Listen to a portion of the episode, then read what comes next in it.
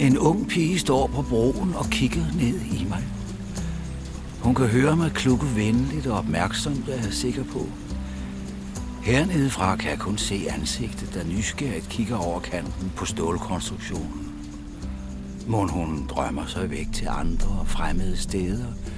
Eller er jeg bare et hvil midt på dagen? En pause? Jeg giver gerne hende, ja eller dig, en pause fra det hele.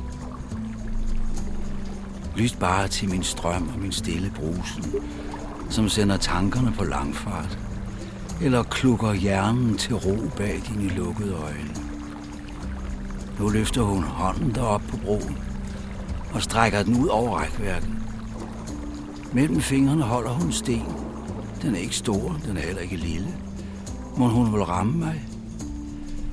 Langsomt åbner hun hånden, og stenen falder i en lige linje ned mod min overflade. Der går et stød igennem mig, da den bryder vandspejlet, som en mavepuster, og ringene kilder over overfladen. Men jeg samler mig hurtigt igen og får vejret. Jeg er jo ikke nogen nybegynder. Jeg omslutter stenen og lader den synke langsomt ned på bunden for at blive glemt. Eller for at blive fundet igen om 100 år.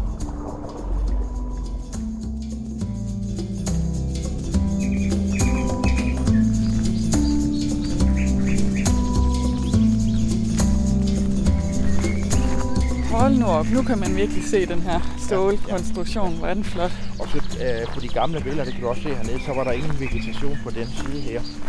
Øh, altså på den modsatte side. Det vil sige, at du har også et flot udsyn over marker og sådan noget. Gudnåen spejler den flotte stålgitterbro i krusningerne på vandoverfladen, mens den plukker afsted ved Gammelstrup lidt uden for Horsens. Og løfter du blikket, står den der i hele sin imponerende industrielle ingeniørkunst. Med to piller i hver side, rank og rød. Hvordan kan det være, at den er sådan rødlig? Jamen det er jo en, en god farve, og, og, og det var den også på de gamle billeder, kan jeg ja. se på øh, Horsens uh, Kommunes uh, materiale. Den var rød. Så de har givet den den farve, den havde Okay, i så den er malet. Ja. Det er en mønjefarve. Altså den, ja, det er den, svenskerne maler alle deres uh, træhus med. Ja. Og det er en god og en solid farve. Den genfundne bro har netop den wow-effekt, som enhver turistmedarbejder eller kulturformidler må drømme om. Her er en fantastisk fortælling, som man ikke kan lade være med at lytte til. Og så har broen et ydre, der får det til at krible og krable i fingrene for at hive mobiltelefonen op af lommen Jeg skal også lige have et billede her. og knipse et par gode selfies med broen i baggrunden. Oprindeligt blev broen bygget i 1899 som en del af jernbaneforbindelsen mellem Horsens og Bryrup. Dengang var det Nordens højeste stålbro, som knejsede hele 15 meter over Gudenåen.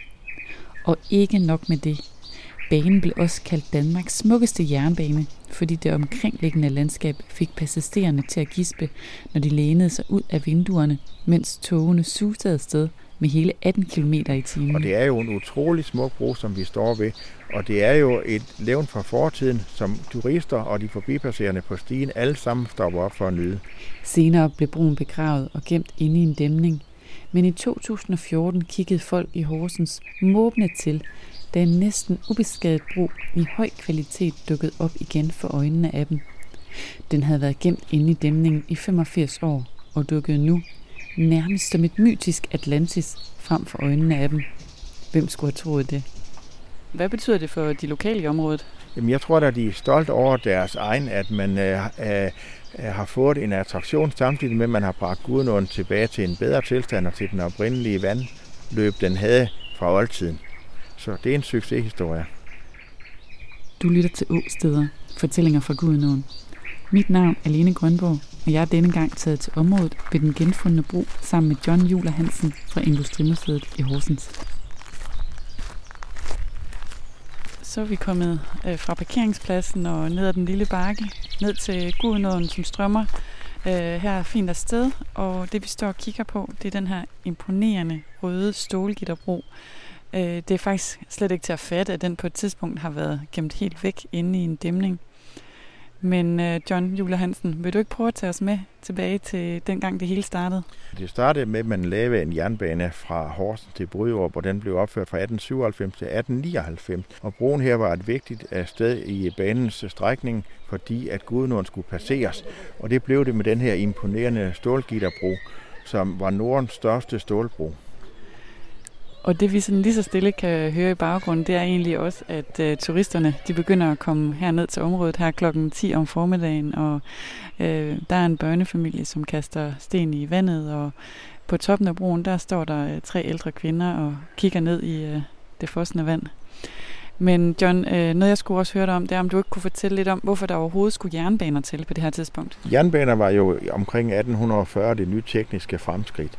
Og det betød, at man kunne komme meget hurtigere frem imellem byerne, hvor man hidtil enten skulle ride, gå eller sejle, så kunne man så køre.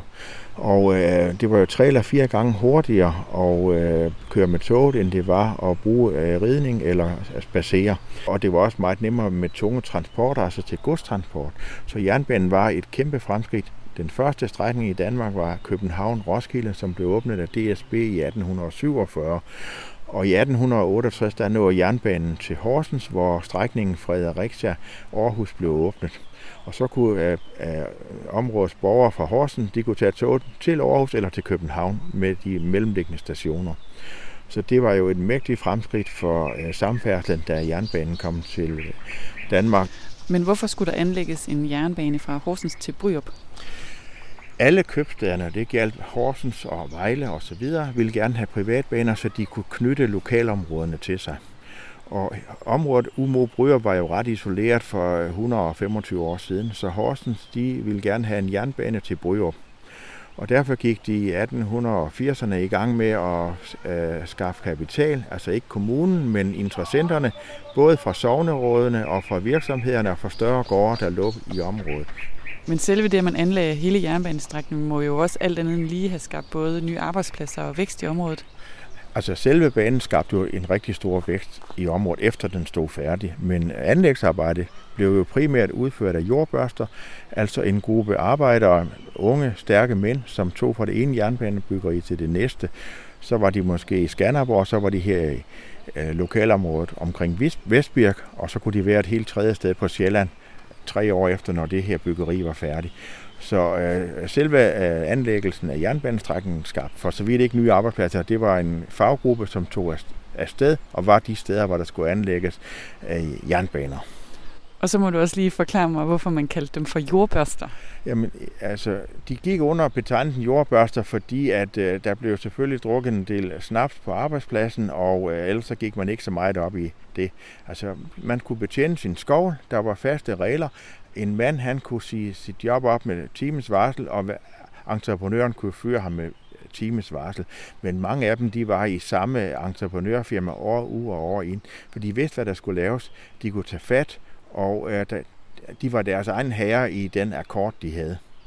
Så hvis man kunne arbejde, så var det ikke nødvendigvis et usikkert eller dårligt liv? Nej, det kan man ikke sige. Øh, men selvfølgelig var forholdene primitive, fordi man var jo sådan set ude i naturen og, og øh, sørge for, at sport kunne blive ført frem med store mængder jord, der enten skulle øh, laves i dæmning eller skulle graves bort og køres væk med jernbanevogne, med tipvogne. Så det var et hårdt fysisk arbejde, men det var sådan et liv for sig. Jeg synes, vi skal gå op på overbygningen, altså på Stålbroens overbygning nu, og så prøve at kigge hen over Gudenåen, og så nyde den smukke udsigt. Lad os prøve at smutte derop. Så bevæger vi os herop af den stejle skrænt igen. Ja. Og øh, det, man sådan lige så stille kan høre i baggrunden, det er, at der er begyndt at komme rigtig mange andre nysgerrige turister herned. Der er både børnefamilier med barnevogn og klapvogn og ældre venindegrupper og store og små, som øh, er på udkig her i dag. Ved man noget om, hvor mange turister, der besøger området? Øh, man startede med at mene, at fire parkeringspladser var nok, og nu er der 50 parkeringspladser. Øh, og jeg tror nok, jeg har set et tal på øh, 60.000, man tæller det, så det er faktisk en af Horsens øh, største turistattraktioner. Og naturen her ved Gudnåen er jo også en af de smukkeste i Horsens Kommune. Men nu er vi faktisk heldige, John. Nu får vi broen helt for os selv, fordi de turister, der lige stod her, de er netop gået ned. Og øh, nu bevæger vi os ind på broen. Og skal vi ikke lige gå ud på midten og kigge ned? Kigger lige ud over kanten her. Der er alligevel et godt stykke ned, men øh, det er relativt lavvandet dernede. Man kan i hvert fald se stenene og søgræs på bunden. Og så kan vi se en del store øh, kampesten, der, der ligger sådan lidt på begge sider øh, af åen også. Og det skyldes, at da man øh, i 2014 lavede øh, øh, projektet her, Frit af Stålbroen, der øh, besluttede man, at rytter ikke længere måtte ride over øh, øh, her, hvor det jo havde været en dæmning, men nu var en bro. Og øh, for at tilgodese rytterne på naturstien fra Horsen til Silkeborg, så laver man så nogle sten, og også i åen, så at rytter de kan ride sikkert over. Og man er selvfølgelig bange for, at øh, rytter og cykler og gående kan komme i kambolage med hinanden, eller at ved uforudsete omstændigheder, at en hest kan smide en rytter af. Og ingen har jo godt af at falde 13 meter ned i Gudnåen heroppe for broen. Broen blev jo opført i, øh, i 1898. I foråret 1898, der var entreprenørarbejdet nået her til Træden Skov, og så skulle man bygge den her imponerende bro over Gudenåen, og det kom til at tage 10 måneder både fordi man var udsat for jordskred, og at vinteren 1898-1899 var meget våd. Så 1. januar 1899 stod Stålbroen færdig. Og det er en imponerende bro, også i 1899. Der er en landpil i hver side, to piller med isbryder i selve åen. Længden på broen, som vi står på, er 45,7 meter. Øh, broens bredde er 4 meter, og stålbroen er 13,4 meter høj, altså over Gudenåen. og det vil sige, at det var Nordens højeste stålbro. En imponerende bro i 1899 og også i dag. Ja, det må man sige. Og det der med, det var Nordens højeste stålbro på daværende tidspunkt, var det sådan noget, man gik op i lokalt og, og var stolt af? At det var man på den måde, at øh, der var jo kun i starten to afgange i hver retning i, i, i døgnet. Og øh, i sommerhalvåret, hvis der var turister med, og der var mulighed for det, så kunne man så gøre et lille hold herude, hvor folk kunne nyde udsigten fra togvinduerne ud over Gudenåen. Og øh, var der uflugtstog, det kom der jo senere herude. Så vidt muligt, så lagde man altid et stop herude, så man kunne gå ned og beundre Gudenåen og broen, som turisterne gør i, i dag. Det, at man anlagde jernbanen her, hvilken betydning havde det for de borgere, som øh, boede her? Øh, deres verden må jo også være blevet øh, væsentligt større. For det første betød det jo, at man rigtig hurtigt kunne komme fra til både Horsens og til resten af Danmark. Man kunne få øh, sine varer hurtigere frem, og det man producerer, kunne man hurtigt få leveret. For bønderne var det jo vigtigt, at grisene og hvad man ellers havde af landbrugsprodukter, de kom ind til byerne og blev solgt. Så det var et rigtig stort økonomisk fremskridt for hele lokalområdet. Og for Horsens var det jo vigtigt, at handlen fra Horsens Vestegn kom ind og ligge i den købstad. Så begge parter havde interesse i det. Skal vi bevæge os over på den anden side og kigge, hvordan det så ud herovre? Hvilken bane fik man så i 1899, øh, dengang den åbnede? Ja, da den blev åbnet i 1899, fik man en bane på 37,8 km, der gik fra Horsens til Bryrup. Og det var en smalsporsbane, så det vil sige, at det var med stejle kurver og øh, øh, stigninger, og øh, der er jo også to meter fra Horsens station dengang og til 102 meter på det højeste sted i Slagballe, så det var en, meget, en bane med meget høj stigning. Der var tre lokomotiver, og de havde en gennemsnitshastighed på 18 km, så det tog altså tre timer at gennemkøre strækningen fra Horsens til Bryrup.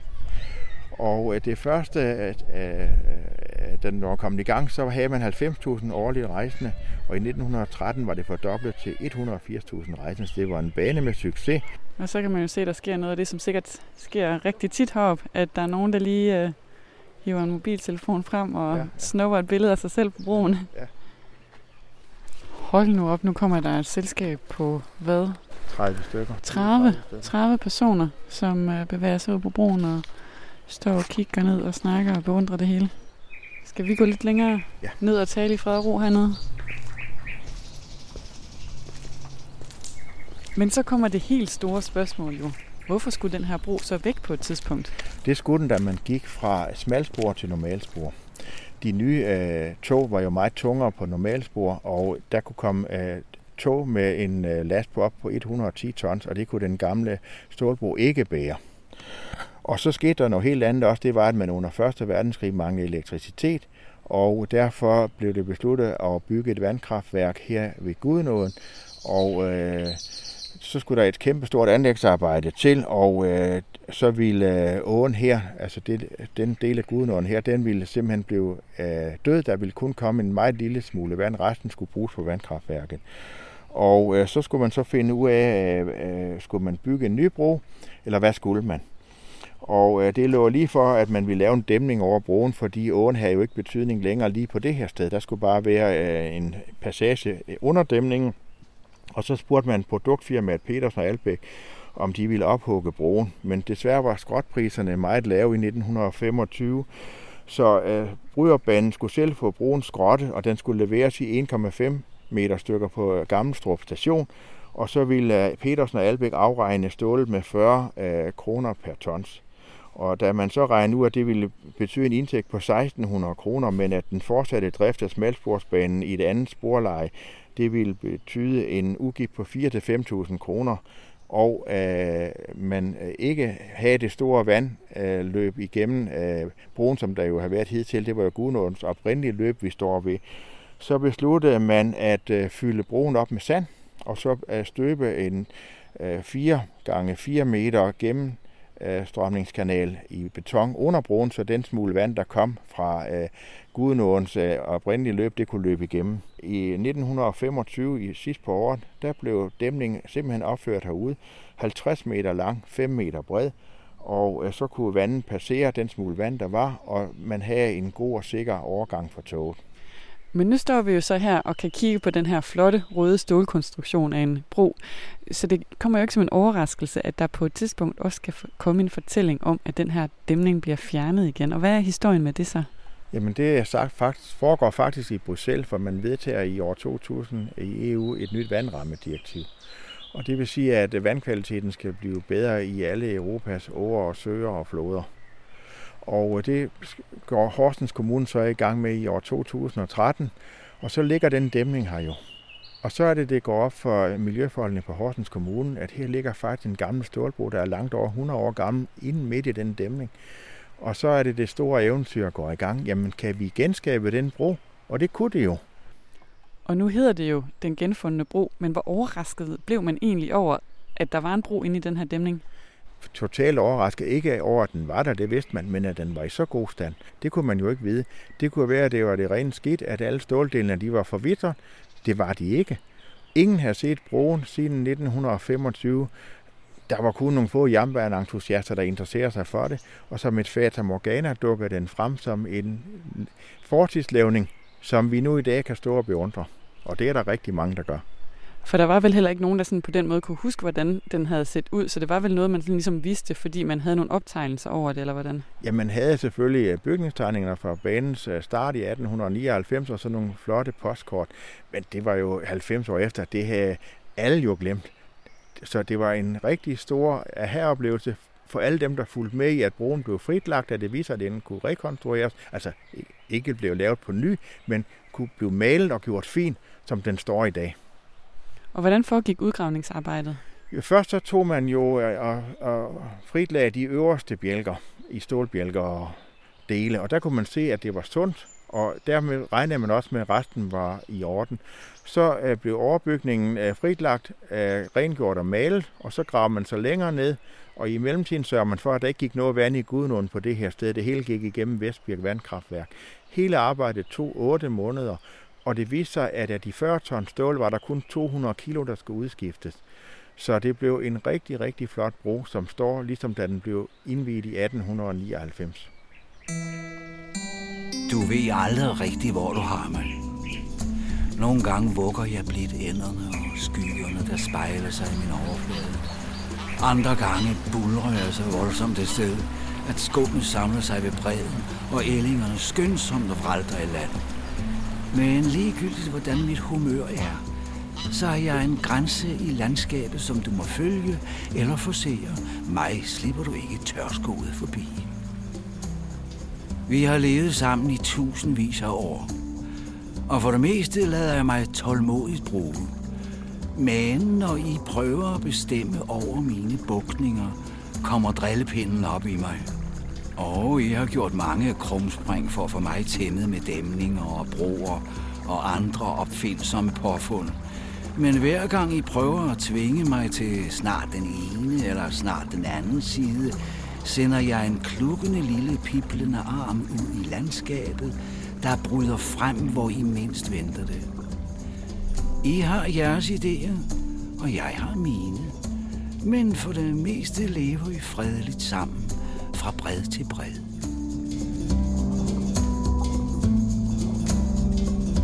Du har lyttet til Åsteder, fortællinger fra Gudnåen. Hvis du vil vide mere om den genfundne bro og Gudnåens kulturhistorie, kan du gå ind på oplevgudnå.dk podcast. Her kan du også læse mere om, hvordan jernbanestrækningen i dag fungerer som både cykel- og vandresti mellem Horsens og Silkeborg, hvis du selv vil på en tur i området. Og så er du selvfølgelig mere end velkommen til at give stjerner eller skrive en anmeldelse af vores podcast, hvis du vil hjælpe andre med at finde den. I næste afsnit tager jeg dig med til Klostermølle, som ligger lige der, hvor Gudnåen løber ud i Mossø.